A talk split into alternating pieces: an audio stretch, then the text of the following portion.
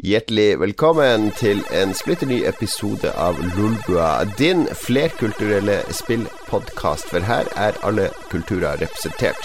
I dag eh, for, som representant for kvenkulturen og eh, lederkulturen, forretningskulturen i Norge, Jon Cato Lorentzen.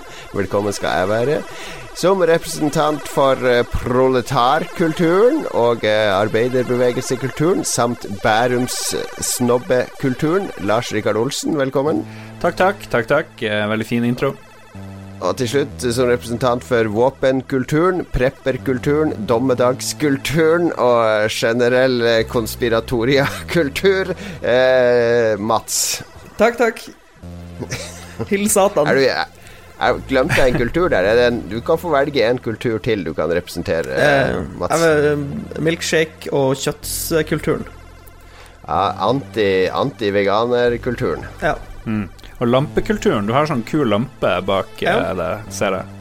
Uh, Oslo Nei, hva heter det? Det er Oslo-lampa, ja. ja. Oslo-lampe. Oslo-lampekultur.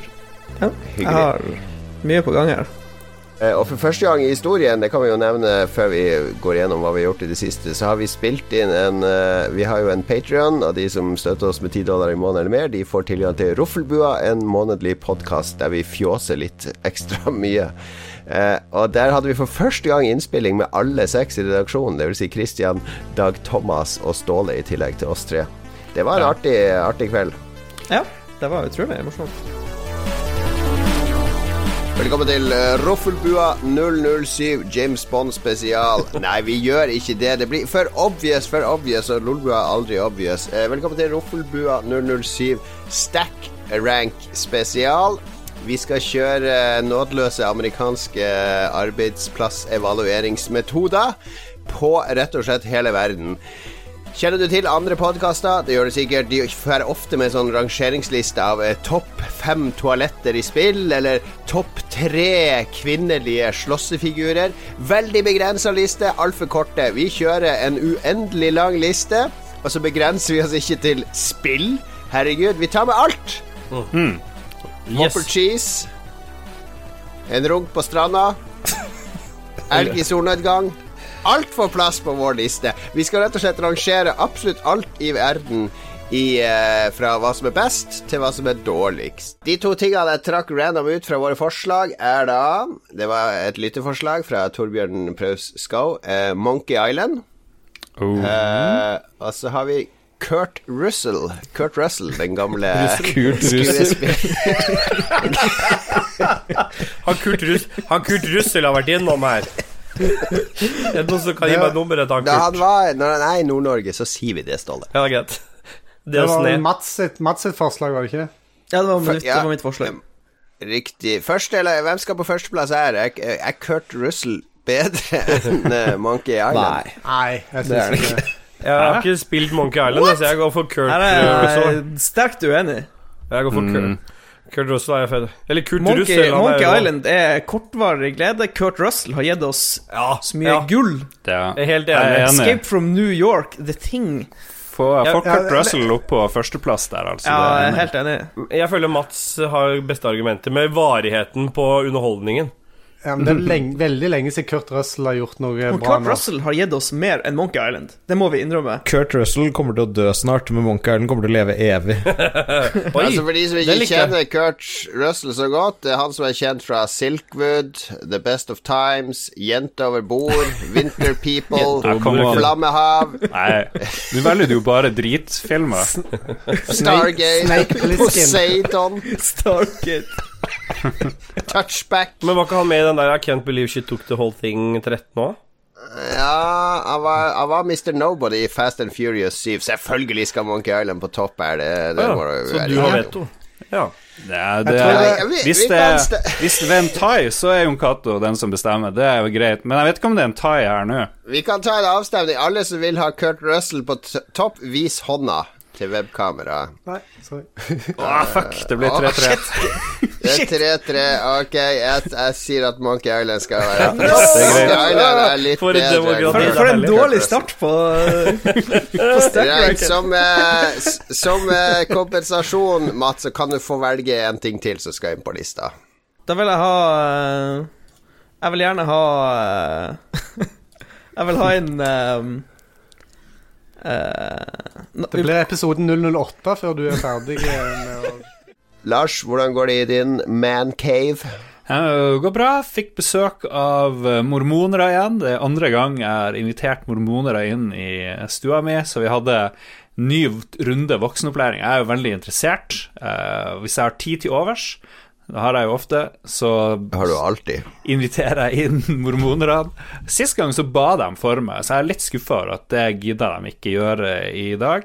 Eh, så det, var litt, jeg var litt for flau til å spørre om det, for jeg følte som det var veldig tilfredsstillende å få liksom to menn Men hva, til å hva er det du vil oppnå med å ha disse mormonerne inne i stua di? Er du er du så ensom, liksom? Nei da, jeg er jo bare nysgjerrig. Det er jo, det er jo litt gøy. Det er jo en veldig bisarr eh, religion. Så de fikk lov å forklare hele den der gulltavla, den der Joseph Smith, og hvordan verden begynte for 6000 år siden, og litt sånne ting. Men også Men er du så, da sånn later du som aha, interessant, eller ler du høyt av det og rister på hodet? sånn? Nei, nei, nei, nei. De er jo så oppriktige, ikke sant. De er jo 100 genuine, eh, folkene, så jeg, jeg tar dem jo på alvor. Og det er jo 70 sånne mormonere i Norge, sa de, som får reise rundt og skal liksom eh, over Liksom gjøre oss til eh, mormonere, og det skjer jo ikke. Det er jo ingen av de som klarer å gjøre Ja, noe er, til det er liksom pålagt at de må ta et år eller to og forkynne når de er yngre. To år, to år, ja. ja. Så er det gøy å høre. og Det er, Nå var de veldig opptatt av å fortelle meg om den hellige treenighet. At Gud, Jesus og Den hellige ånd er liksom tre skikkelser. Det er tre individer, og alle er menn. Og det, det var en overraskelse for meg, da. Så det er ting jeg ikke har visst før. Har Den hellige ånd kjønn? Det visste jeg ikke. Ja, det er jo alle De har en levende profet, akkurat som Mohammed og Jesus. De, en sånn skikkelse eksisterer i dag. Eh, Det visste jeg fra før av. Men, men Jesus eksisterer jo ikke. Men eh, når du ber, så ber du til Jesus. For jeg spurte de liksom, jeg, jeg ba om instrukser for å be òg, for det jeg sa, det var det jeg interesserte i. Liksom, hva er, hvordan ber man? Hva er liksom greia? Og da fikk jeg høre at det å be, da kan du be om, få vite om ting som er sant eller ikke sant. Så de foreslo at jeg skulle be om jo, uh, om mormonerbibelen er sann. Det syns jeg var å sette lista høyt. Uh, men jeg kunne også be om Gud eksisterte, da. Det føler jeg er mer sånn Har du prøvd det? Nei, jeg Men du, skal- jeg du, skal du hadde vel en mormonerbibel allerede før de kom på besøk andre gang? Dro du Ja. fram den gamle mormonerbibelen din? Jeg skulle gjøre det, men jeg rota den bort. Kanskje Ja. kasta den eh, fordi den er så dårlig. Den er så elendig skrevet. men jeg fikk en ny en. Jeg fikk en ny en.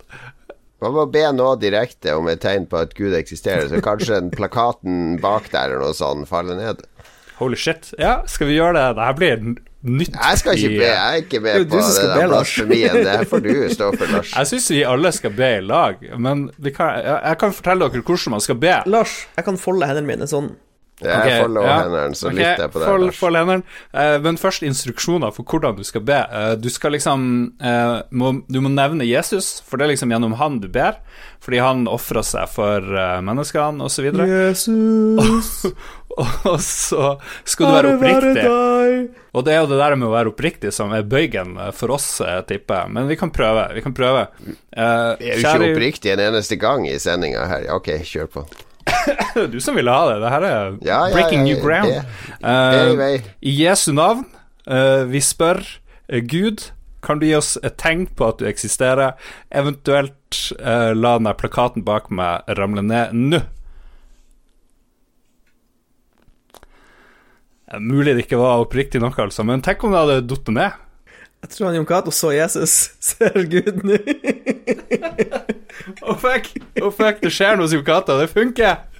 Gud Det var bare eksisterer! det var lyset fra mobilen, se der. det var nesten du ble Ah. Det var Pulp Fiction-kofferten som ble åpna der et øyeblikk. ja, men vi, vi Ok, kan jeg, tu jeg tulla og, og satte på et lys her, så Lars eh, eh, hadde, Hvis, du hadde, hvis plakaten hadde falt ned, Lars, hva hadde du gjort da? Da hadde vi jo måttet revurdert alt eh, som vi holder på med her. Legge Da ned vi, da, da må vi slutte med blasfemien vår, tror jeg. Da blir det bønnebua. Men Ja. inntil videre så er det fremdeles Lolbua. Ja. Når du først kommer inn i den verden som Anthem er, så har jeg lenge siden jeg har vært så frelst av et spill som jeg har vært i Anthem. Hjertelig velkommen til generalforsamling 2019 her i Lolbua. Det er jo viktig å summere opp eh, året som har gått. Vi har med oss Ståle, sønn av Alec Baldwin. Det stemmer. eh, Sånn. Ja, i dag eh, mer sønn av eh, Hitler, men eh, det er greit. Prøv, er det med vilje du har sånn Hitler-sveis? Eh, ja, det er et forsøk på å skremme pasientene. Kommer rett fra jobb. Nå kommer jeg en kjempestreng, og så har jeg den sideskillen her, og så vurderer vurdere å trimme barten enda litt sånn mindre under nesa der, så er det bare ut i bilen. det er jo mye gamle folk som trenger ambulanse, er det ikke det? Mye Jo, men de har gode følelser fra krigen, vet du. Så de har bare barndomsminnene kommet fram. Velkommen til Kosti Eriksen. Takk skal du ha, takk skal du ha. Vår hemmelige gjest. Vi skal snakke om flyspill i dag. Ok, La oss ta det først som sist. Eh, Favorittflyene våre. Kosti til slutt. Ok, Ståle, ok. har du noe, har du noe favorittfly, Ståle? Nei, vet du hva, jeg kan fortelle deg at eh, det har jeg ikke. Mine damer og herrer, velkommen til Lolbua episode 250. Den ble tatt opp live i Oslo på en lang rekke uteplasser. Vi får etter hvert selskap av 20 av eh, lytterne som valgte å svare ja på vår invitasjon til å bli med på festmiddag.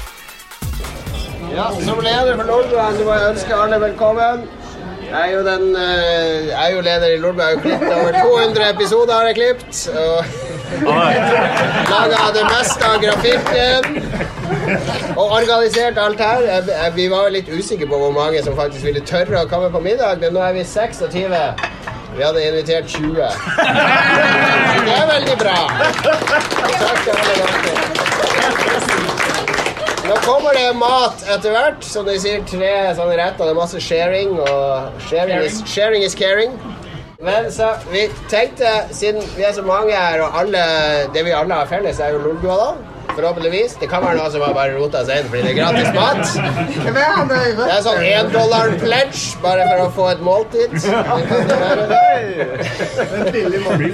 Men uh, vi må jo bli litt kjent, tenker jeg, så vi kan si hvem vi er, og favorittspillet vårt. Hva var det siste du sa? En hemmelighet. En hemmelighet. Ja. Så jeg begynner da, og så sender jeg det videre, så du kan begynne å tenke. Jeg begynner. Så jeg heter Jon Cato, og mitt favorittspill er jo X-Pilot, så da kan ikke du si det samme. Eh, og en hemmelighet eh, eh, Ja, jeg, det er under ett år siden jeg bæsja på meg sist. Eh, Roar Wirkola? Nei, det var Wirkola. Jeg hopper etter Wirkola. Roar G. Hallo, Roar. Roar Hei. Hei. Eh, jeg har et yndlingsspill. Gammelt PC-spill. Blade of Darkness. Severance. Hemmeligheten. Jeg er gift med min kones søster. What? Nei, jeg er Explain! Explain! Jeg er Ja, det, det beste sånn ambulansemessig jeg har gjort, det var, det var lærling, og så skulle jeg ta, så skulle jeg ta EKG. Så jeg strekker liksom hånda inn for å ta av BH-en. Men eh, jeg var ikke så gamle gutten, så jeg bare, jeg bare alle, de andre, alle de andre kollegaene mine De var litt sånn fomlete bak. Men eh, jeg var jo viril, så jeg var jo inn med en hånd, og så et litt sånn svopp, et lite sånn knips. Et lite knips med en hånd. Og så var hun rundt sånn 60 år, så hun titter på meg, så sier hun Dette har du gjort før. så sier hun det, og det ble så jækla kleint. Idet BH-en faller av på en sånn 60 år gammel dame, så ble det altså så Men det viser jo at du på et tidlig stadium hadde bra skills liksom med ei hånds Ja, men jeg mista det enhåndsgrepet. Nå er jeg mer fomlete igjen. Ja. Nå er jeg bare Er det alder, eller er det redsel? Ja, mer kåtskap. Altså, du har dårlig tid. Ja, altså Når det endelig byr seg fram etter mange års ekteskap, så er det mer det der å få komme Få lov til å låne Jeg vil en være der med en gang, så at liksom ikke muligheten blir borte. Skål, Mats. Skål. Hyggelig.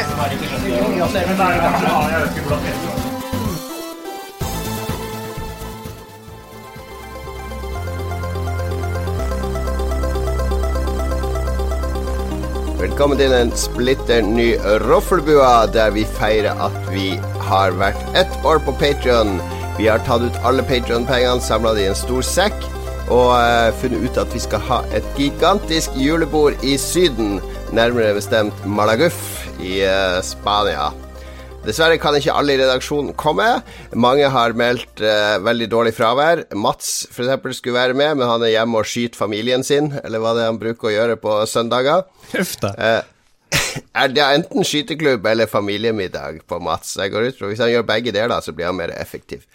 Vi eh, skal i hvert fall eh, reise til eh, Syden. Alle mann, spenningen er til å ta og føle på idet vi klokka åtte om morgenen ankommer Gardermoen. Lars sitter jo som vanlig i loungen til SAS. Eh, han flyr jo så mye at hans platinumkort eh, fleres eh, flittig på flyplassen. Og han inviterer alle inn, og her er det jo gratis alkohol, gratis drikke, hæla i taket, perfekt start på sydenturen. Og så har vi hatt en del avstemninger i forkant blant redaksjonsmedlemmene, der vi har gjort meningsmålinger på hvem som er mest tilbøyelig eller sannsynlig til å ende opp i, uh, i ulike situasjoner, da.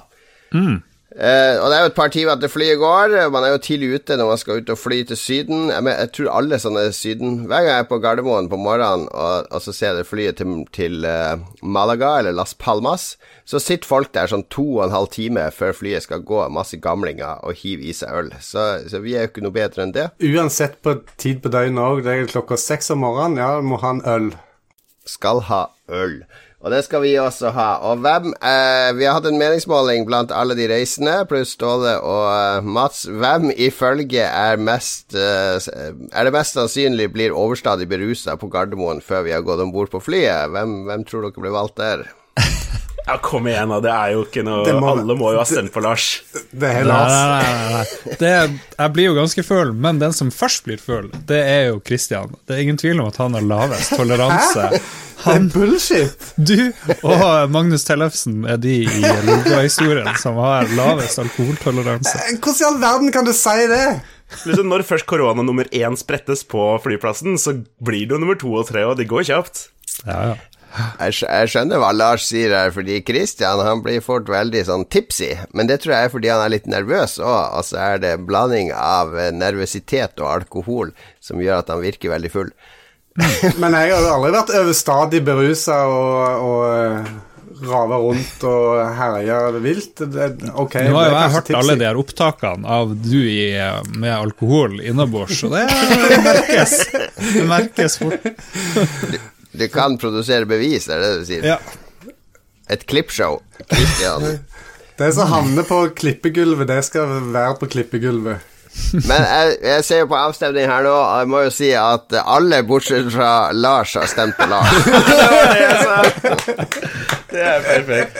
Og det stemmer jo i det, selvfølgelig. Alt som blir avgjort i avstemningen her, det skjer også i virkeligheten her. Så Lars hiver innpå med gin tonic og eh, en øl og en IPA og rai, rai, gutta, vi skal til Syden, og det ender opp med at han så vidt kan stå på beina. Så når dere endelig skal gå om bord på flyet, Lars ligger på gulvet og lette etter passet, som han klarte å miste når han rota med jakken sin, som han nekter å ta på seg for han skal til Syden. Han skulle egentlig kaste jakken sin i en søppeldunke, for det trenger vi ikke i Syden, og, og ler hysterisk mens dere bare å berge jakken og papirene, så står det i døra her, så jeg tror ikke han der kan komme om bord. What? Her må dere hjelpe meg. Overraskende lite problem med å se for meg. Ja, dere får litt panikk, fordi uten Lars blir det ikke noe sydentur. Eh, Han som har eh, eh, bestilt eh, Airbnb-en og alt, det er han som sitter med all infoen, så dere må få han om bord. Hva gjør dere? Reit der, rei, rei, rei. Det kan det vanlige er kaffe og Ja, har vi tid til det? ja? Det er sånn, Kan vi rulle en dexterity check på om vi får den inn sånn i Ja, uten at de legger merke til det? Stelte meg om bord. Ruller en D20. Nei, men vi måtte jo, vi måtte jo eventuelt bare brutt det ned. Eh, eh, La oss ta litt fugledans, folkens. Fugledansen! Du, du, du, du, du, Sett deg ned, Lars. du, du, du. jeg, jeg har jo en idé om jeg kan snakke meg til hva som helst, hvor som helst, når som helst, så Ja, yeah, opp. prøve, prøve deg, Philip. Ja.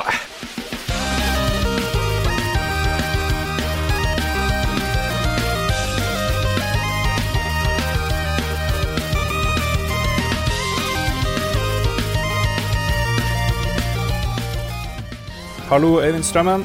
Hallo, hallo. Vi skal snakke mer om hva jeg og, og Øyvind og alle andre har spilt i det siste, og vi skal anbefale noen kule ting. Men eh, det var et terrorangrep nå på torsdag i eh, New Zealand, i Christchurch. En fyr som heter Brenton Tarrant gikk amok eh, og begynte å drepe masse. Han snakka om PewDiePie før han begynte å drepe, og så det noe, var det noen sånn nerdereferanser og gamereferanser oppi alt det her. Og jeg tenkte fuck it, noen må forklare oss det her. Øyvind, så godt det lar seg gjøre. Du er ikke i New Zealand, du vet ikke alt, men du følger litt ekstra godt med på det her. Kan du fortelle litt om bakteppet, eller hva som har skjedd der nede?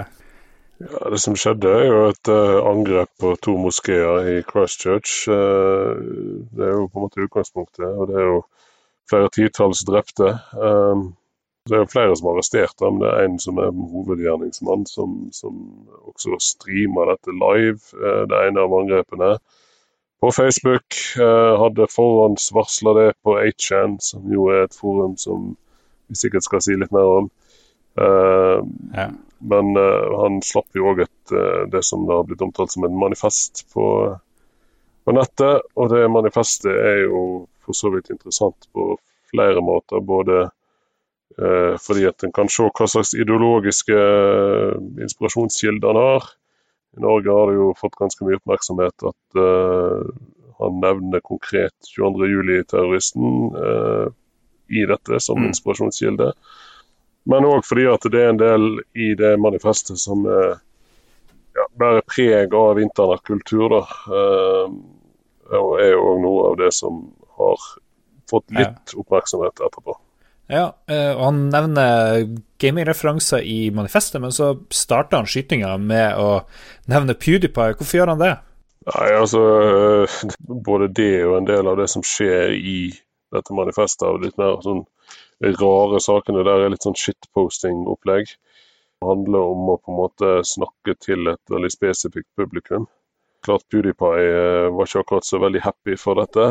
Flere ting i, der, eh, i den teksten skriver på en måte Han skriver seg inn i en større historie. Det, det, er helt, eh, det er ikke helt uvanlig det for for høyreekstreme terrorister som agerer på egen hånd. Så her er det jo litt, litt ting som er litt mer uklart fremdeles. Men, men, samtidig så er det jo noe med å sette seg inn i en sammenheng og, og på en måte og komme med referanser og forsøke å dra andre inn i budskapet sitt. Da. Det er klart altså det er, noe, det er ikke noe som er eksepsjonelt eller uvanlig eller på en måte merkelig heller ved det. fordi at man ser at, at på en måte gamerkultur og gamerreferanser blir jo brukt av ulike grupper og av ulike former for ekstremister. Sånn? Eh, den her såkalte islamske staten har gjort seg masse bruk av både spillreferanser og filmreferanser og den type ting, de også. Um, og det, det, er jo en måte å det er en måte å snakke til et publikum på, og, og på en måte snakke på et språk som, som det tenkte publikummet kjenner igjen. De her eh, nye medievaneundersøkelsene viser vel at tolvåringer da har vel 90% av både jenter og gutter spilt data, og så da er jo spillkulturen overalt, egentlig, for å si det sånn. Ja, det, det er nettopp det. Sånn. Så det er ikke Det er på en måte Det er ikke på en måte noe med spillkulturen i seg sjøl som, som, gjør dette. Men, men, samtidig så er det sånn at det, det er en kultur som er så allestedsnærværende, og ikke minst eh, blant yngre generasjoner, at den selvfølgelig blir det tatt i bruk.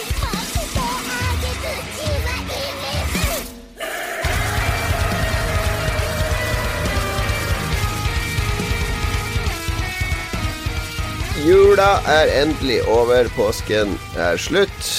Jula var som kjent til påske. Lolbua episode 255 spilles inn akkurat nå. Jeg vet ikke om det er helt vanlig å snakke om episoden i realtime. Lars, har du hørt det podkaster før? Snakke om episoden i realtime, hva du mener du? Ja, for nå, det her er jo episode 255, så for mm. lytteren så er jo det en komplett episode. Men for oss akkurat her og nå, så er jo vi går jo inn i ukjent farvann. Altså, vi, ja. vi har jo ikke laga episoden ennå. Vi vet jo ikke om det blir en bra eller dårlig episode. Så vi skal bli sånn supermeta. ja, dette var meta. Ja, men noen må jo være det òg, da. Nå, er det jo, nå popper det opp eh, spillpodkaster i øst og vest. Det nyeste tilskuddet på stammen er vel eh, bergenseren Stian Blipp, som er kjent for å kunne beatboxe og være programleder på Idol og, og i sketsjer og sånne ting. Han har plutselig laga spillpodkast nå, og den ligger så, nå som nummer én på iTunes etter tre episoder. Hva syns du om det, Lars? Veldig bra. Nå finnes jo spilledåsene òg. Det er en sånn ny damekast. Ja, det, men den er, de, de er jo liksom eh, Altså, det greia med det der spe, spillet Hva heter det? Nerdelandslaget.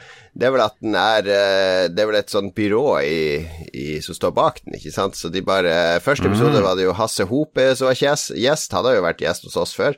Eh, altså bare renner det inn med kjendiser i hver episode. Altså er det liksom Det er noe man lager for å selge produktet Stian Blipp for deg, framfor en eh, Altså, han er jo spillinteressert, herregud. Eh, men et av dine favorittband, de her Spice Girls, var jo satt sammen av et byrå. De henta inn masse damer, skulle lage et produkt, ble kjempesuksess. Så det trenger ikke bli dårlig av den grunn.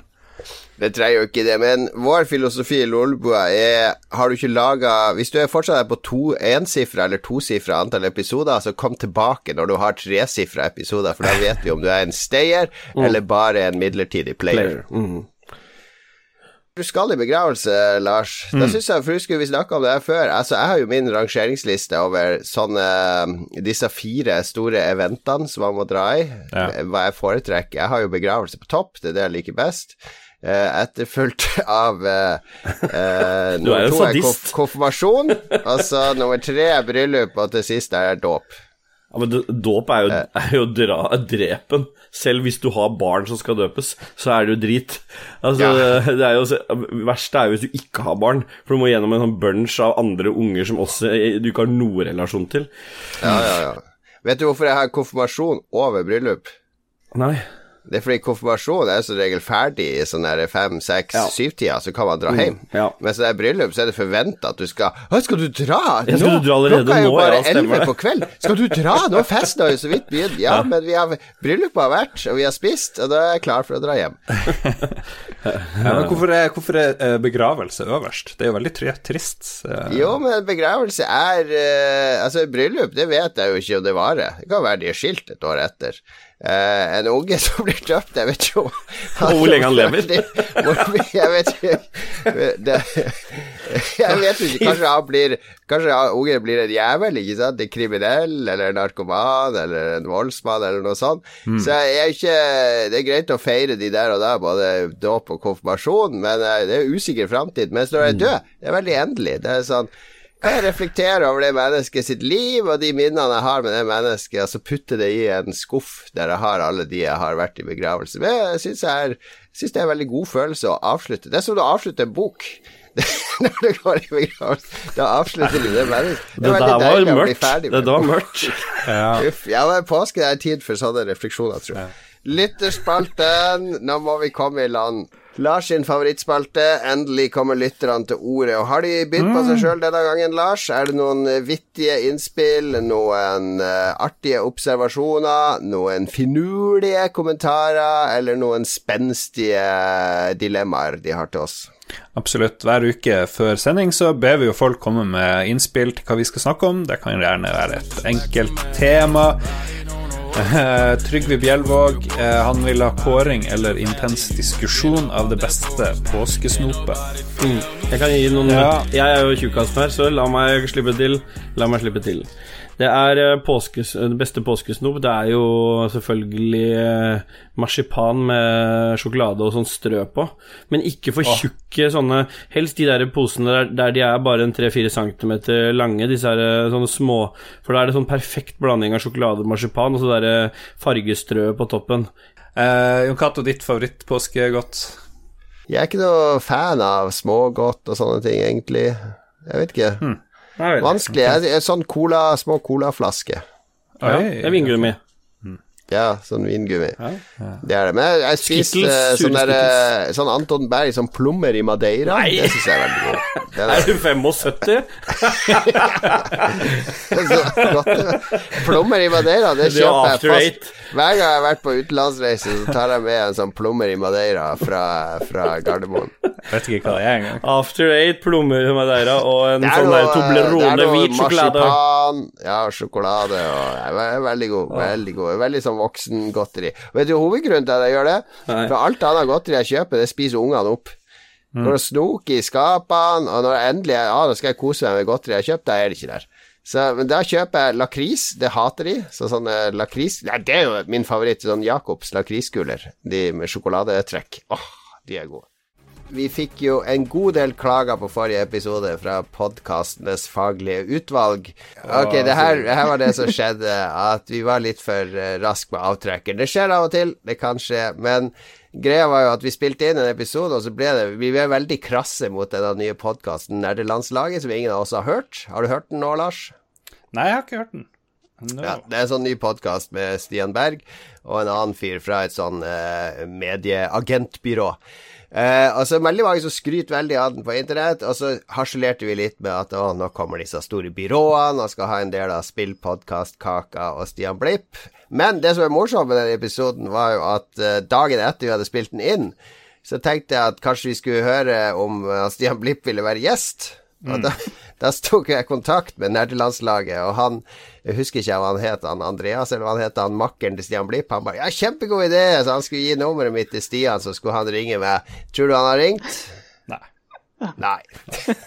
Fordi dagen etter der så kom jo episoden ut, så hvis du var smart nok til å sjekke den ut, så tenker jeg at det nummeret har han sletta for lengst. Men uh, vi kan telle vi, frem, vi gir Stian fram til episode 300, så hver episode framover nå så kan, vi oppdat kan jeg oppdatere dere på om Stian har ringt. Uh, per dags dato 30. april, 29. april, så er status nei. We were somewhere around Barstow, on the edge of the desert, when the drugs began to take hold.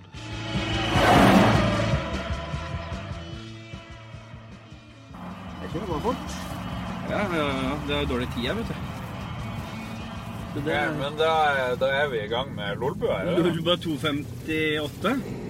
Vi tar opp direkte fra min bil. Vi er på vei ut av Sæter, ned mot uh, Sætre. Og din bil er en Tesla modell 3. Greit å være litt sånn Ja, jeg, jeg, jeg skulle ikke skryte av det, men takk, takk for at du nevnte det. Jo, Står det, sånn som jeg ga deg beskjed om å nevne. Ja. uh, vi er på vei inn i Oslofjordtunnel. og Verdens kjedeligste tunnel, kanskje. Og så skal vi ned til Dag Thomas eh, på litt grilling, og det kan du høre i Roffelbua hvis du er Patron-subscriber, for det blir neste Roffelbua-episode hjemme hos Dag Thomas. Lars er med her da. Ja, hallo, hallo. Det var et helvete å få tak i deg, Ståle, men nå er, vi, er det her. Vi måtte stå utafor huset ditt og fryse og sånn. Alt det der kan dere høre om i Roffelbua. Hei, hei. Hæ? Søt hund. Det er 5B, skal det være. 5B. Jeg håper du har tatt noe med til noen helt andre. Vi skal til Sofie Elise, eller Ja, hun bor her. Det er det. Det må jo bli bedre. Det. Det må være bedre. Bulldog. Sånn lade Her er unger. Tesla, ikke Tesla. Bulldog. De har hund. Du må ringe på. Så veldig folketomt ut. Juhe. Og så skyter hunden. Er det lov å klappe? Åh, Hello. Hello. Ja. Leter etter han Ståle. Ja, han bor der. Bor der. Ja. du ringer på igjen? Hva er det slags uh, det, De har nok sex Å, jeg ser hund! Doggy! Hei! Han driver og bjeffer. De ligger sikkert og har seg. Der! Jeg tror, jeg, jeg tror ikke det ble sånn i sted. Nå hørte jeg at det ringte. Ja. Og har seg. Du husker den der Espen Thoresen-podkasten hvor de bare gikk rundt og Ja. Det er jo det er jo Det, det, akkurat sånn det det er er. det som er inspirasjonen. Ja, det er jo det. Nå får vi se åssen han har det. Nå må du være han Espen Thoresen til å rope 'Ståle!' Ståle! Slutt nå, det, det er masse folk her. Det er jo lørdag formiddag. Alle driver og sover. Ja, svarte på han meldinga, eller? Nei, Nei. Det ser man kanskje. han ikke er hjemme. Det er sånn pipelyd der. Ståle! Kanskje han trakk seg. Nei. Naboen der, han med hund kjente han fall. Hva har vi dratt Har du avtalt med han at vi skulle komme? Ja, hva er nummeret til Ståle, da? Ståle, Ståle Men Han har jobba i natt, så det kan være at han ikke har stått opp. Ja, han sover sikkert. Ståle! I helvete. Du har jo ikke barnefamilie, og så er det Ja, Kona er ute med ungene, sikkert. Han må lage meg frokost. Jeg er jo dritsulten. Vi skal ned til Dag Thomas nesten med en gang. Heter han Ståle Alexander Bakken Balvinson? Sikkert. Ståle Alexander Bakken Balvinson. Wow. Ståle, Ståle Ja. Det blir bra podkast der. Ja, det her blir helt gull.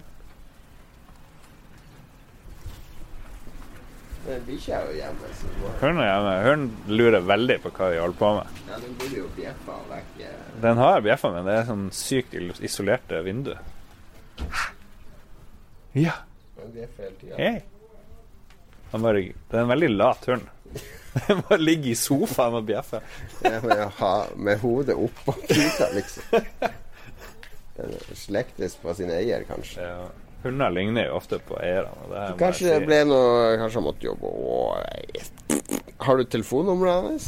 Jeg har ikke det. Fucking hell. Det er jo et skudd for baugen.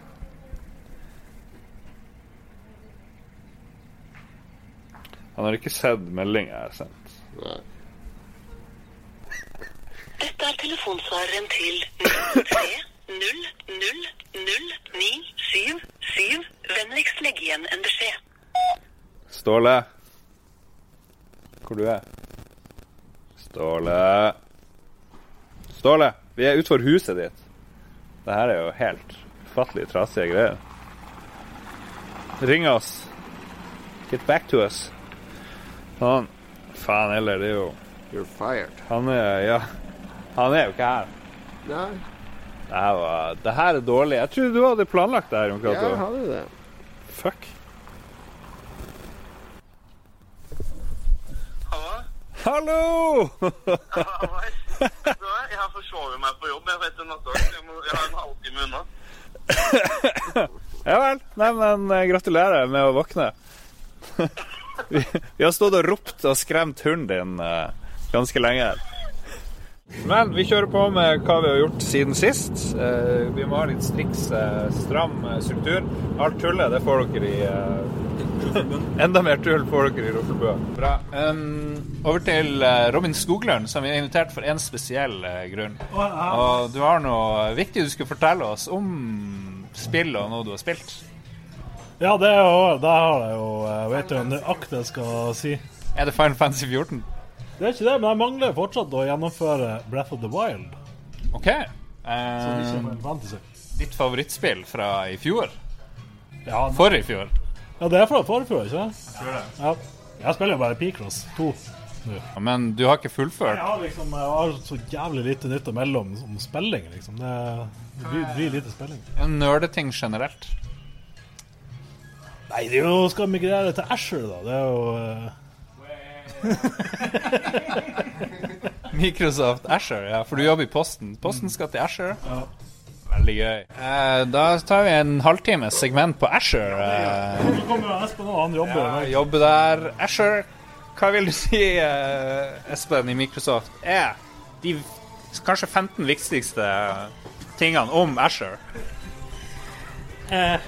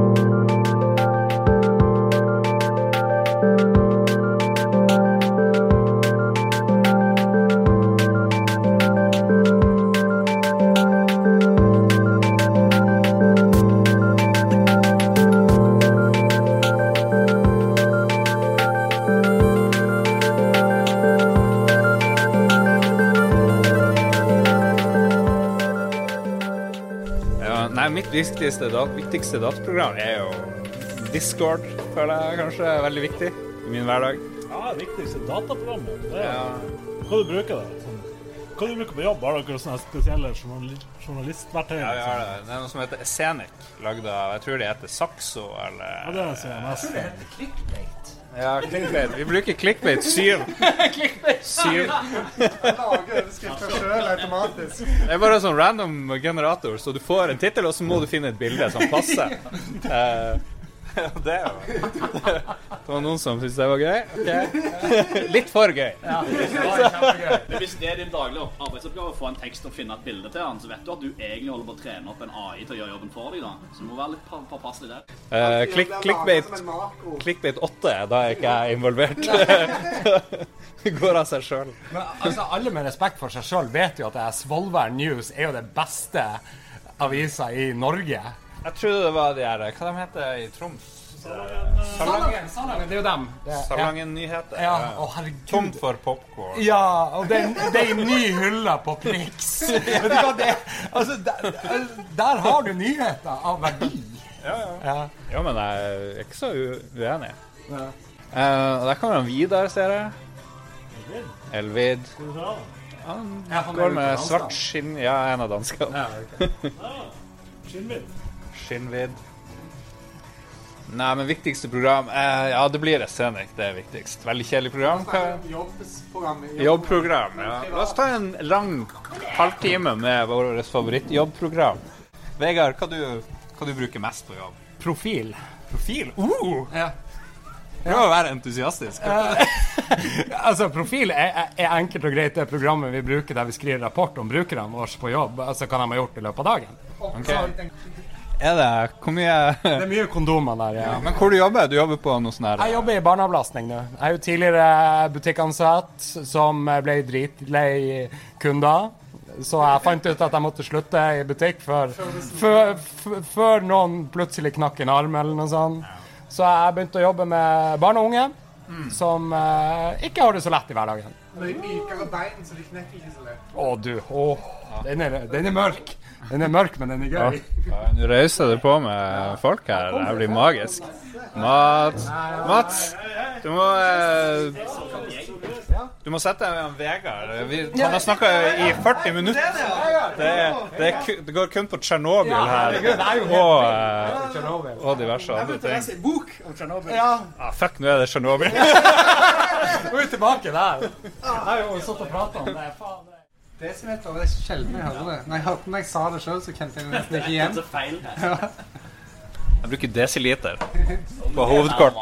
Det er greiere å si 3 desiliter ja, 0,3 liter.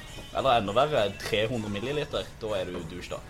Med mindre du jobber i helseindustrien. Hva er din for favorittmåleenhet? Min favorittmåleenhet? Oi. Ny spalte. Kan det være Oi. hva som helst? Stone. Stone må jo være ja. Det er, det er en rar engelsk. Jeg veier 11 stone. Hva er en stone, eh, Espen? Eh, jeg husker ikke, men det er sånn tullenhet. Men, men det som er enda mer morsomt, det er mål og alt lengde i på YouTube der han bare sier at dette er helt logisk, så ramser han opp alle forholdene mellom lengder, og er det bare sånn. Ingenting er sånn Det er ironisk, 1 da, til men 10 ja. og 1 til 20, nei til 100 og sånn. Desiliter. Hvis du går til England eller, amerikansk eller engelskspråklig land og prater om bakoppskrift og matoppskrifter, og sier du at jeg skal bruke 3 desiliter med vann, så står de der og flirer bare Altså desiliter. «Mwahaha». For det går alt på milliliter. Jeg klarer ikke å skjønne at vi At ikke hele verden går på 1000. Jeg, jeg Det er fordi USA er sta. ja, Problem solved. ja, men eh, altså, England kjører på venstresida. De er jo også sta. Ja. Du er et fåtall av land i verden som kjører på venstresida. Og hvorfor gjør de det? Sånn som isolert, er Australia og Ja, men det er fortsatt flere som, flere som kjører på høyresida. Det er flere land som kjører på venstresida enn det er land som har det imper ja, imperial system som standard målesystem. Der tror jeg det er tre land. Ja. Det er USA, eh, og så et eller annet land i Afrika, tror jeg, og et eller annet land i Asia. Det er liksom det er Myanmar, tror jeg. Ja, Myanmar på gjette det. Har de imperium? Jeg tror min favorittmålenhet er fat olje.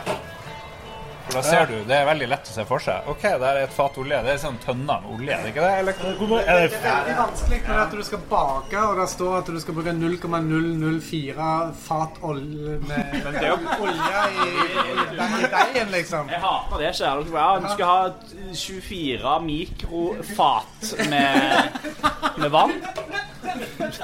Mikrofat olje med vann.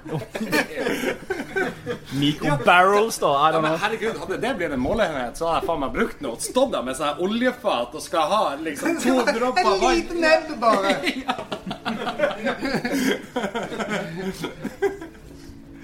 Eller bare skre opp oppskriften, da, for å gjøre det lettere å bake. Ja, ja. ja, det er Jon som skulle lage det der eh, sånn der Vaffelrøre. Vaffelrøre. Det kom med sånn enorm bolle der. Det var bare sånn liten pose sant? med sånn der tørka sånn mel og sånn. Så kom han med sånn enorm bolle fylt med vann, og så tok han oppi det melet. Det var bare litt sånn grums i vannet. Det var det jo desiliter som sto på pakken. Han skulle bruke tre desiliter, han har nesten tre liter. Ja, ja, Tenk på større bolle her. Har dere flere boller? Det er helt riktig. Det er jo det som står på oppskriften, så 100% Hadde man brukt eh, oljefat som målenhet, så hadde jo det blitt mye lettere. faktisk.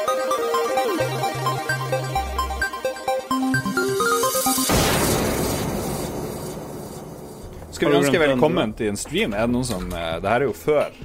Vi er jo egentlig oh, ja, det er vorspiel og sånn, ja. Ja, vi er, vi er forspill. Hallo, Dag Thomas. Oh, shit. Uh, hvis vi får 5000 Hvis vi får 5000 viewers, så skal jeg gi bort bilen min. Har du, har, du, har du en bil? Ok, kan vi Jeg visste ikke du hadde vil bil engang. Jeg vil ha noen russiske viewbots på Twitch. Ja. Ja. Det Hvor koster det? Hvis du får 10 000 views, skal jeg kjøpe en ny bil. On Twitch. Easy.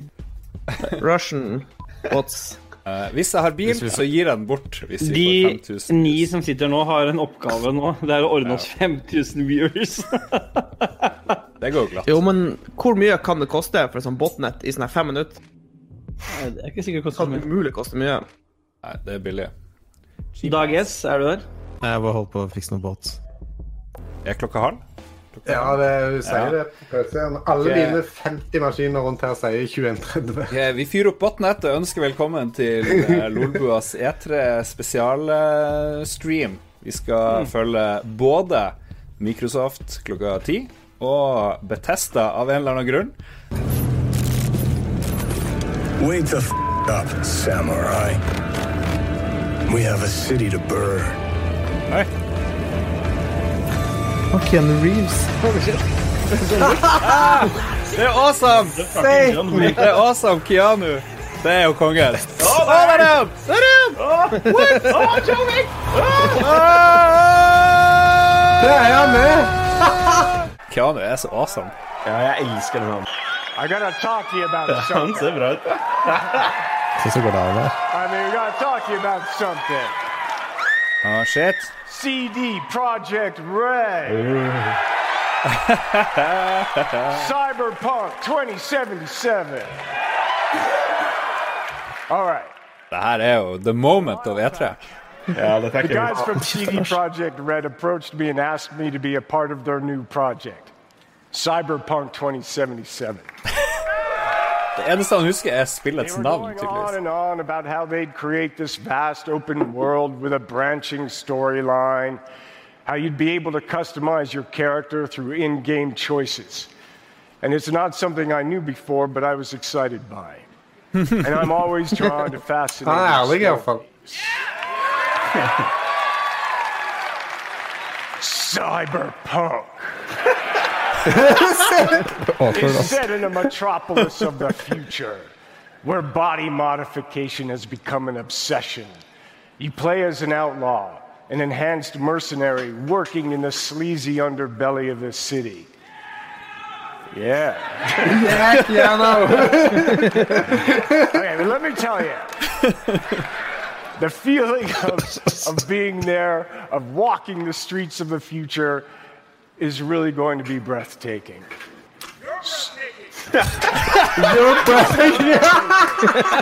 Er det beste noensinne. all right, all right, all right. So I got, I got to finish this. So tell me. Hjertelig velkommen, madame et monsieur, ladies and gentlemen, mine damen und herren. Det er Eurovision i Lolbua. Det er Idol i Lolbua i dag. Kjære Roffelbua patrons, fordi dere gir oss penger, så skal vi synge for dere. Som ekte gatemusikanter. Samtlige seks i redaksjonen har spilt inn låta. Karaokeversjoner av kjente låter. Vi skal bedømme hvem er flinkest til å synge. Det jeg ikke har røpa, er jo at vinneren må jo fremføre sin låt live på neste liveshow. Det, det blir stas. Ops! Jeg må endre litt på Plutselig vil ingen vinne. Nå triller jeg terningen her. Den viser terningkast én. Det betyr at det er Ståle neste. Vi sparer Lars til slutt. oi, oi. oi. I pay my dues time after time. I've done my sentence, but committed no crime and bad mistakes. I've made a few. I've had my shafts and kicked my face, but I've come through.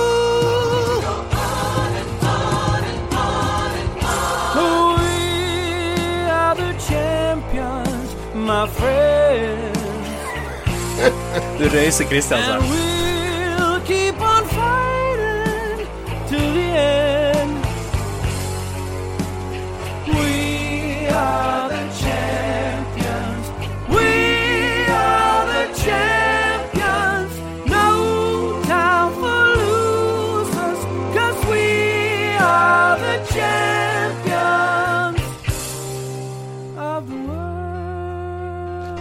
bare, du bare trør Ståle inn i trynet vårt hvor bra han er å synge, liksom. Jeg kommer til å komme så mange ganger i natt.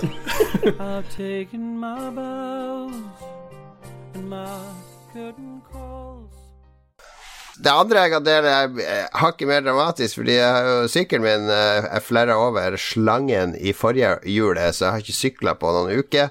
eh, For jeg har vært på Gamescom og vært veldig opptatt på jobb, så jeg har ikke fått fiksa den. Så endelig på fredag fikk jeg den opp til Oslo Sportslager. Fikk eh, De satte på en ny slange og fiksa dekket og monterte det. Så jeg er superfornøyd, så kjøpte jeg meg en sånn sprayboks med olje til Kjea mm. og bremse og sånn. Eh, som jeg hang i en pose på rattet, skulle jeg bare sykle rett ned på jobb. Det er bare 400 meter. 300 meter. Eh, Sykla over et kryss, og da klarte den der sprayboksen å hekte seg inn i forhjulet mellom gaffelen og eiken. Så hele forhjulet stoppa på sånn der 0,001 sekund. Eh, og da flyger jo jeg framover for eh, eh, ribb Hva heter det? Ribbeina, brystkassa, rett i rattet. Og så tar jeg en salto over rattet med sykkelen etter meg, som, som også tar en kråke og lander på rygg. I en sånn perfekt judorulle, da. Eh, nå eh, merker jeg De få ganger jeg faller, så er det sånn instinktivt kommer den judorullen. og jeg spretter opp igjen, da. Fordi alltid når man faller i sånn offentligheten, så er det om å gjøre å late som Nei, nei, nei, det er ingenting. Null stress. Selv om jeg akkurat har stupt salto over rattet. Og så får jeg ikke ut den sprayboksen, så det kommer en, en eh, fyr fra, fra en sånn ka kafé eh, Kaffebar rett attmed. Eh, Med en diger kniv og begynner å skjære over den boksen for meg. Da. Så det spruter olje utover alt i det, oppå fortauet der, og på klærne mine. Og han, han var jo veldig snill, da. Det var jo helt umulig å få løs den der sprayboksen. Du kunne jo båret den Eh, til jobb, du var jo 200 meter unna. Hæ? Du kunne jo båret sykkelen din til jobb og sånt. Trengte ikke gjøre det midt ute i gata. Hvorfor skal man gå og bære en sykkel hvis man kan sykle på den? Nei, det var, var liksom ingenting ødelagt. Det var bare en sprayboks i, i hjulet. Ja, liksom. men han eh, fikk jo løst den sprayboksen for meg. Men jeg oppdaga at hjulet har jo blitt skeivt nå, så nå må jeg bytte ut hele hjulet. Fordi Ja, den sprayboksen har klart å, å, å, å forskyve ene delen av hjulet. Ja. Så jeg kom til jobb, så når adrenalinet begynner å senke seg, så merker jeg at jeg blødde jo litt her og der, og Mm. så begynte det var ganske vondt i ribbeina nede på venstre side da, så begynte å sånn her, jeg satt litt og jobba, så jeg skulle reise meg, og så vidt jeg kom meg opp av stolen. Så da dro jeg hjem fra jobb og jobba litt hjemmefra og prøvde å ligge litt i senga, men det var jo umulig. Og så tok jeg Stakkars. Jeg tok det bare det med ro. Det er blitt mye bedre i dag, da. Jeg har ikke vært på sånn pysatt røntgenundersøkelse og lege. Det er eh, det er ikke for oss eh, eldre menn. Jeg hadde, faktisk et eh, mer eller mindre identisk krasj på min sykkel, men da var jeg veldig ung. Da var jeg eh, rask og, rask og ung i Stavanger. Sykla med en kompis på Forus. Vi skulle til Kvadrat. Og så er det en sånn ganske sånn sykkelsti som går rett fram, og der får du veldig høy fart. Og på slutten av den sykkelstien så er det en sånn barriere som skal hindre at bilene bare ikke kjører over den sykkelstien. Og da, mens, altså, mens vi sykla, så snakka jeg med han, så jeg hadde hodet retta mot han. Så glemte jeg av den barrieren, og så sykla jeg rett inn i den i høy fart. Og da skjedde akkurat det samme. Jeg bare fløy Ah. over.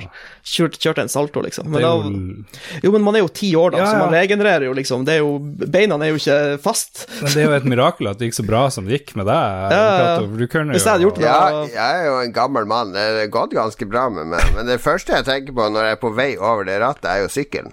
Jeg må berge sykkelen. Det husker jeg. Det har jeg gjort hele livet.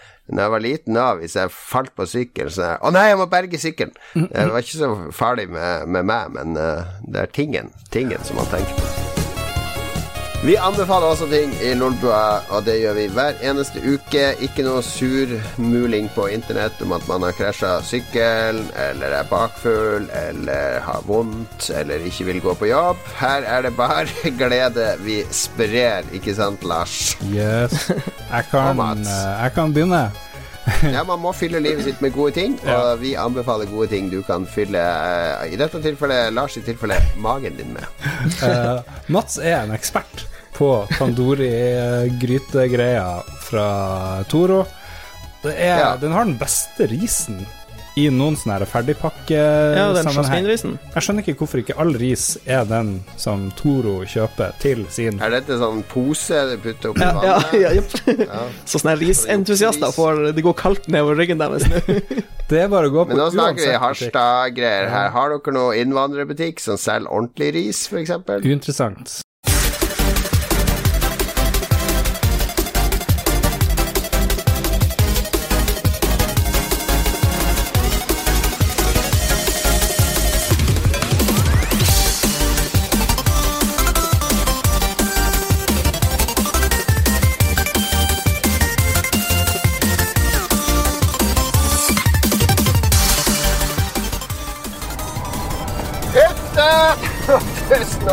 2019, her kommer mikrofonen. Fordi Lars eh, beordra meg til å ta opptak i bilen på vei opp. Eh, fordi han kjører jo alle alene. Han sitter i et av de jævla styremøtene sine. Ok, vi er hyttetur på vei opp. Eh, det er jo den eh, mest intelligente bilen, vil jeg påstå. Her har vi en doktor. Doktor eh, Sient eh, Doktor Rocket Espen Lund. Hva er det doktor Hva, hva er det du har bak der? Der, punktum. Nei, jeg har ikke Jeg har ph.d. Ja. PhD? Er ikke det sånn surhetsgrad? Det er ph, det. Ja. ja. Vi sitter og koser oss i sofaen i dag med Knut. Oi, du sitter med den fuckings greia di. Ja. Jeg gjør det. Ja, ja. Hvor det går? Litt, hæ? Takk for sist. Sist du var med i Lolbua, så var du jo i, på beachen nede i Ja, ja, ja. Så lå, da, da sverga på at aldri skulle være full i Lolbua igjen, ja. Ja, jeg liker holde mine løfter, så nå er jeg fullstendig edru. Ja, du er, vi er jo alle edru her. På. Så vi skal ikke si noe forstyrrende eller uh, bare hyggelige ting og politisk korrekt og alt dette. Eh, jeg skulle bare konfrontere deg med at eh, jeg anbefalte deg å spille Skyrim. For du ville spille noen sånn RPG-greier. Ja. Og så, sto jeg, og s- lå jeg i senga oppe, eller hva det enn var. Så Ja. hører jeg bare ned fra Knut sier eh, Lars drev og anbefalte Faen, du kommer og driter her hele tida! Jeg, sto, jeg stolte rett og slett ikke på det. Nei, du sa Lars har anbefalt Skyrim, men jeg stoler ikke på. Og hvorfor stoler ikke du på meg? Det er jo ganske brutal eh, karaktervurdering. Ja, anbefalinger heller. Knut, Ja, jeg er litt, jeg er litt i tvil om Jon Cato. Jon Cato har noen rett og noen Skal jeg vært begge vi er profesjonelle spillanmeldere, har jo vært Knut. Ja, ja, ja. Tjent penger på Ja, dere, ja, dere gjør jo det Du er skeptisk til oss, det er akkurat som folk er skeptisk til barnevern. Miljøet. Miljøkritikk og sånn. Du må, vi, vi kan jobben vår, vet du. Ja, jo, kan dere det? Det er det jeg lurer på. Det er jo- det er jo veldig sjelden jeg anbefaler et skikkelig dårlig spill. Så. Ja, er det det? Ja. Hva, med film, da? Armageddon, terningkast fem. Så tøff at På det coveret. ja. Så kult at det gjør vondt. Nei, men uh, Lars har rehabilitert seg siden den tid. Det har han gjort, ja. Da har vi kommet til anbefalingsspalten der negative Lars ikke får lov å være negativ. Jeg skal ikke anbefale sesong to, tre, fire, fem eller seks av noe. Jeg skal anbefale en dessert. Eh, Faste lyttere vet kanskje at jeg ikke er en dessertmann. Jeg liker ikke kake og sånn søtsaker etter maten. Det syns jeg er eh, litt unødvendig. Jeg spiser heller forrett. Hvis jeg får velge forrett og dessert, velger jeg alltid forrett. Men ok, for vent litt. Jeg har fått sykt mye kritikk når jeg kommer med matretter og Toro fiskesuppe, krema fiskesuppe og sånn, og nå kommer du altså med en dessert. Jeg vil Jeg har bare pe- veldig påpeke det. sjelden kritisert Eneste matretten jeg husker jeg kritiserte, eh, er vel når du Gatekjøkkenet i Harstad, noe sånn kotelett eller noe sånn fyllemat Ja, ja. som du bare får i Harstad. Jeg har sjelden kritisert badeskummet og de andre matrettene du, du spiste middag. Ok, vi kan gå videre. Men jeg skal anbefale Uh, faktisk en dessert jeg kan spise, eller en dessert som jeg spiste i dag, som jeg kom på. Dette var jo faktisk min favorittdessert uh, av alle desserter. Det er ikke en kake, det er ikke noe sånn fancy pants uh, du får på restaurant. Eh, Hvorfor, hva, hva er galt med fancy pants? Skal du liksom kritisere Nei, spesielt på restaurant. Hvis du bestiller dessert på sånn fine restaurant, så skal det være sånn syv forskjellige smaker. Det skal være salt og søtt og karamell Mm. og, Ja. og alt sånt. Det, blir, det, er, det er bare sånn overdådig jåleri.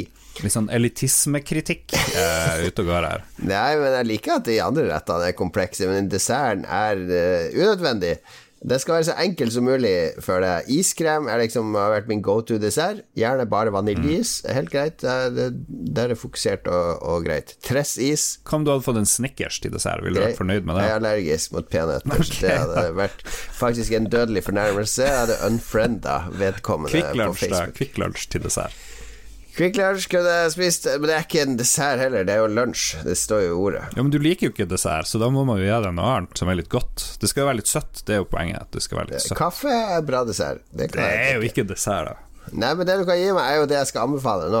Okay. Eh, min favorittdessert fra barndommen av, det er eh, sånn rød gelé med vaniljesaus. What? Altså, Er du tre år Ja. gammel? Det og det er så enkelt å lage òg. Du bare tar vann og det gelépulveret i en sånn firkantet boks.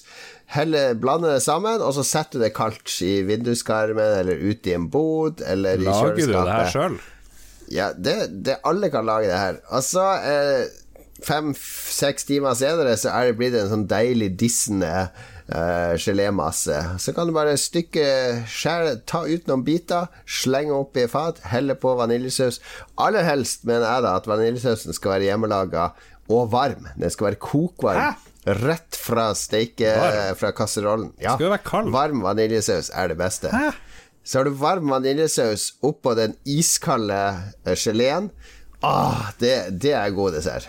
Det, det er sånn Foreldrene dine var skikkelig full og bare skjønte ikke hva de gjorde, så de drev og kokte vaniljesausen. Nei, de tror du du sånn fikk jo ikke være. vaniljesaus på de her kartongene Når vi vokste opp, Lars. Det måtte du lage fra scratch. Ja. Vi har nådd veis ende. Takk for at dere hører på. Takk til våre produsenter osv. Vent. Du glemmer noe. Du glemmer den viktigste spalten av alle. Lytterspalten, lytterspalten er her, og nå skal det bli litt sånn dicey her, fordi det første eh, som ble presentert da vi ba om lytterbidrag, kommer annet fra Magnus Eide Sernstad, som sier Hvis det ikke blir noe Blizzard versus Ching Chong-greier, veldig lite politisk korrekt, Magnus, eh, fy. Eh, hvis det ikke blir noe Blizzard versus Kina-greier, så skjønner jeg ingenting. Raymond Eikås Kaspersen spør hva syns dere om Kinas innflytelse på businessverden? Blizzard, NBA og Fifa har fått gjennomgå. Eh, og vi kan begynne der, da. Du vet at når uh, hardcore-bandet fra Rogaland, Haggis, var på kinaturné, så het turneen Ching Chong Chinaman Tour. Var det lov? De slapp unna med det, liksom? Ja, det her var i 2003-2004, så de slapp unna med det. Velkommen til Lolbua 284, den første av fem episoder der vi skal oppsummere tiåret 2010 til 2019, er det vel. Det blir sånn der blør. Hele livet er jo bare en eneste stor utvikling, så det er veldig rart for meg å putte, lage en 2010-skuff der jeg skal putte alt fra ti år oppi. Jeg tror det blir lettere hvis vi katalogiserer det. Hvis vi ser på spill, f.eks., og så kan vi se på nyheter fra 2010 og 2011. Det har man å henge minnene på, det er riktig. For en god idé, Lars. Og det, vet du hva Vet du hva som provoserer meg mer enn noe annet på nettet nå av gamere? Det er de som går og gleder seg til Ellers Scroll 6. Mm. Det er Sånn der, Betesta de smører anuset ditt hver uke, hver måned med noe ny drit. Ja, nå skal du betale for å spille Fallout 76 hver måned for å få litt premium content som bare ikke er noen premium content i det hele tatt. De driver og fucker over spillerne sine gang på gang på gang, og spillerne bare Å, dere er så slemme, dere er så slemme. Men jeg gleder meg til Ellers Goal 6. Hvorfor i all verden skal de fikse Ellers Goal 6? Hvorfor i all verden skal de fokusere på å gjøre det spillet bra? De kommer ikke til å bytte ut motoren. De kommer til å være Fallout 76 reskinna. Det blir Ellers Goal 6. Håper Så ikke gå og gled deg til det. Nå håper jeg nesten det blir reskinna Fallout 76-motor. Vet du hvem som sitter i styret til Senimax, som eier Betesta? Høres ut som det er Anders Behring Breivik. Nei, ja, nesten. Vet du hvem det er? Nei. Jerry Bruckheimer sitter og bestemmer hva Uh. Betesta skal lage. What? Robert Altmann sitter og bestemmer hva Bethesda skal lage. Leslie Moonves, som ble sparka ut av CBS etter å ha seksuelt trakassert halvparten av de kvinnelige ansatte, han sitter i styret til Zenimax. Robert S. Trump, broren til Donald Trump, sitter i styret til Zenimax og Bethesda. Og fortsatt så går de rundt og gleder deg til Elder Scroll 6! De er ikke interessert i å bruke penger på å lage noe bra. De er interessert i å bruke minimalt med penger for at du skal gi dem maksimalt med penger. Slutt å heie på Betesta. Ok, wow. Kjenner jeg. okay. Fikk jeg bakoversveis. Jeg er enig. Bethesda som lagde Skyrim i 2011, eksisterer ikke i dag. Nei, det, det helt riktig. Mm. Helt riktig. Og jeg vet at man må kla klamre seg til håpet, og alle spill som ikke er laga, som skal komme, det tenker man at det, har, det er lovende. Men Eller Scrolls, sånn som det var, det finnes ikke. Altså, det kommer ikke til å bli noe av det. Ok, ok. Men eh, hvis du skal velge ett spill som er det beste fra 2011, Jon Cato Hvis jeg tvang deg med pistol inn mot hodet, hva ville det blitt? Eh, Da tar uh, Må jo bli Dark Souls. By the way, må så ikke ute på Steam og GOG på fredag. Vi var på lanseringsfest, vi må jo nevne det kjapt. Det må vi jo. Ja, det er sant. Det var Ja. gøy. Ja, så det var gøy. Fikk vi Sweet! Du var ikke der, Mats. Du kom dagen etterpå. Men vi fikk eh, nybakte donuts som var bare sånn absurd god. Og vår venn eh, Jabba eh, spiste i hvert fall fire, som jeg så, av de der, som jeg ble mett av én. Han bare Jeg tror det går an å ta en til. Han gikk beast mode. Det er jo ingen som spiser de her. Fantastisk. Så det var bra. Og da var det underholdninga var blant annet en fyr som kom med en sånn jævla gammel grammofonspiller. Så satte han på noe av en eller annen Caruso, sånn gammel eh, Pavarotti-aktig fyr på 30-tallet eller et eller annet sånt. Og så spilte han saksofon til det. Og sang opera med sånn vill stemme, så det var kult. Herregud, det var ikke en fyr, Lars. Det var en dude. Det er uh, Håkon Kornstad, jazzmusiker. Han spiller saksofon og fløyte og uh, bruker masse elektroniske ting. Kom med en sånn Oslo-fyr og spilte litt og sang litt.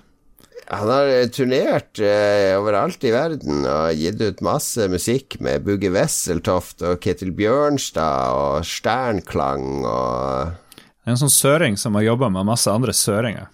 Nei da, det var veldig bra. Spilte, Sarajevo Jazzfestival var han headliner på for noen år siden. og Jesus Christ, ingen som har hørt om Sarajevo jazzfestival. Nå har du hørt om det. Du lærer mye på å høre på Lolbua. Roffelbua 10 er endelig landa. Tenk at vi snart har holdt på et helt år med å lage denne spesialpodkasten. Og i dag har vi virkelig et tettpakka studio. Her sitter vi med armer og bein og hode og rumpe oppå hverandre inne i et trangt rom. Vi er alle mann, alle pluss en kvinne. Eller er det Ja. Sånn blir det. Eh, vi er hele redaksjonen og vårt nye redaksjonsmedlem. Jeg kan si hei til deg først, Katarina. Velkommen til Er det din første Roffelbua? Det er min første Roffelbua. Ja. Takk, takk.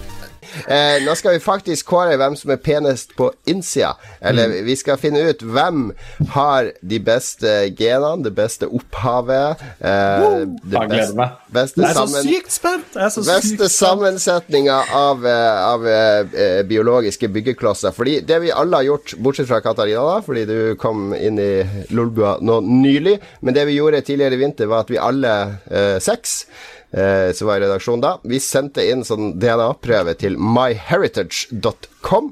Eh, da må du putte en sånn der eh, eh, sva, sånn der bomullspinne inn i munnen. og Nei, i så- munnen? I munnen?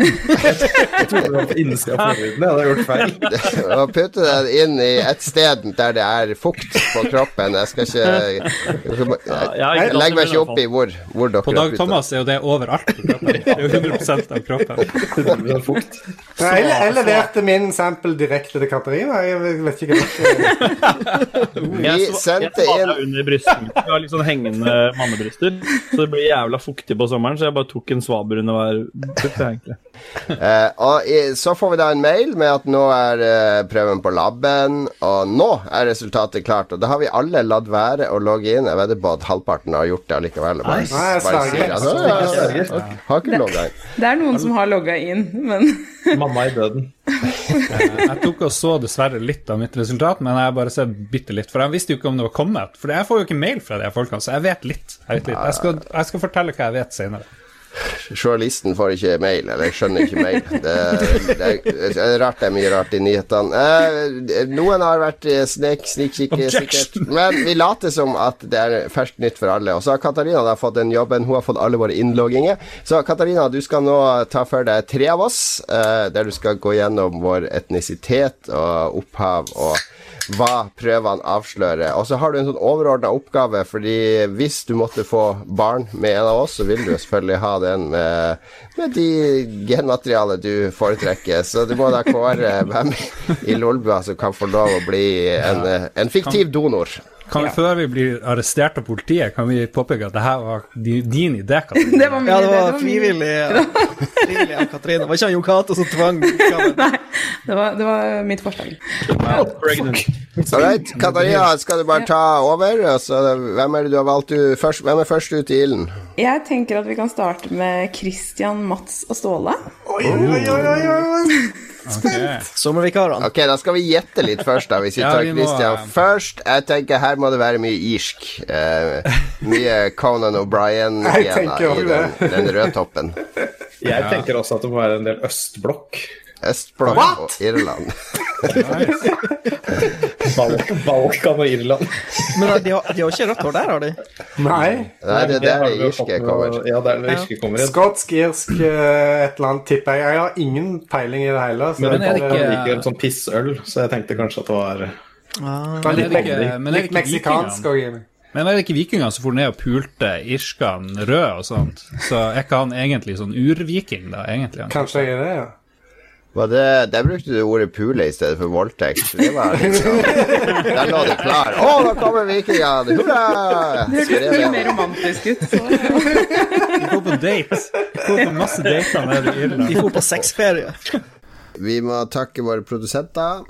TTMXMP, Kobrakar84, og Kobrakar heter vel egentlig Kenneth Bekkevær, og så er det Rolf Helge Øvergård Ingebrigtsen. Tusen takk til dem. Husk at du kan uh, følge oss på alle sosiale medier, og du kan støtte oss på Patreon.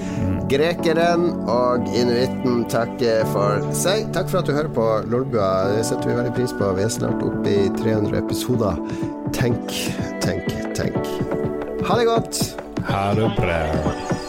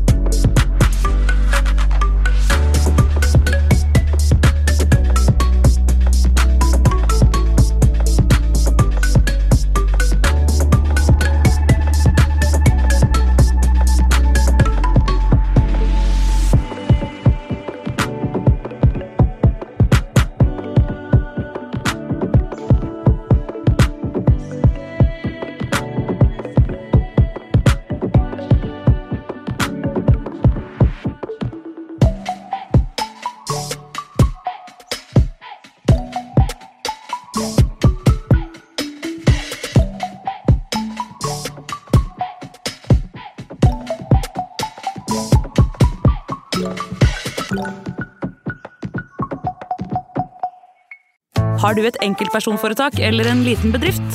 Da er du sikkert lei av å høre meg snakke om hvor enkelt det er med kvitteringer og bilag i fiken, så vi eh, gir oss her, vi. Fordi vi liker enkelt. Fiken superenkelt regnskap.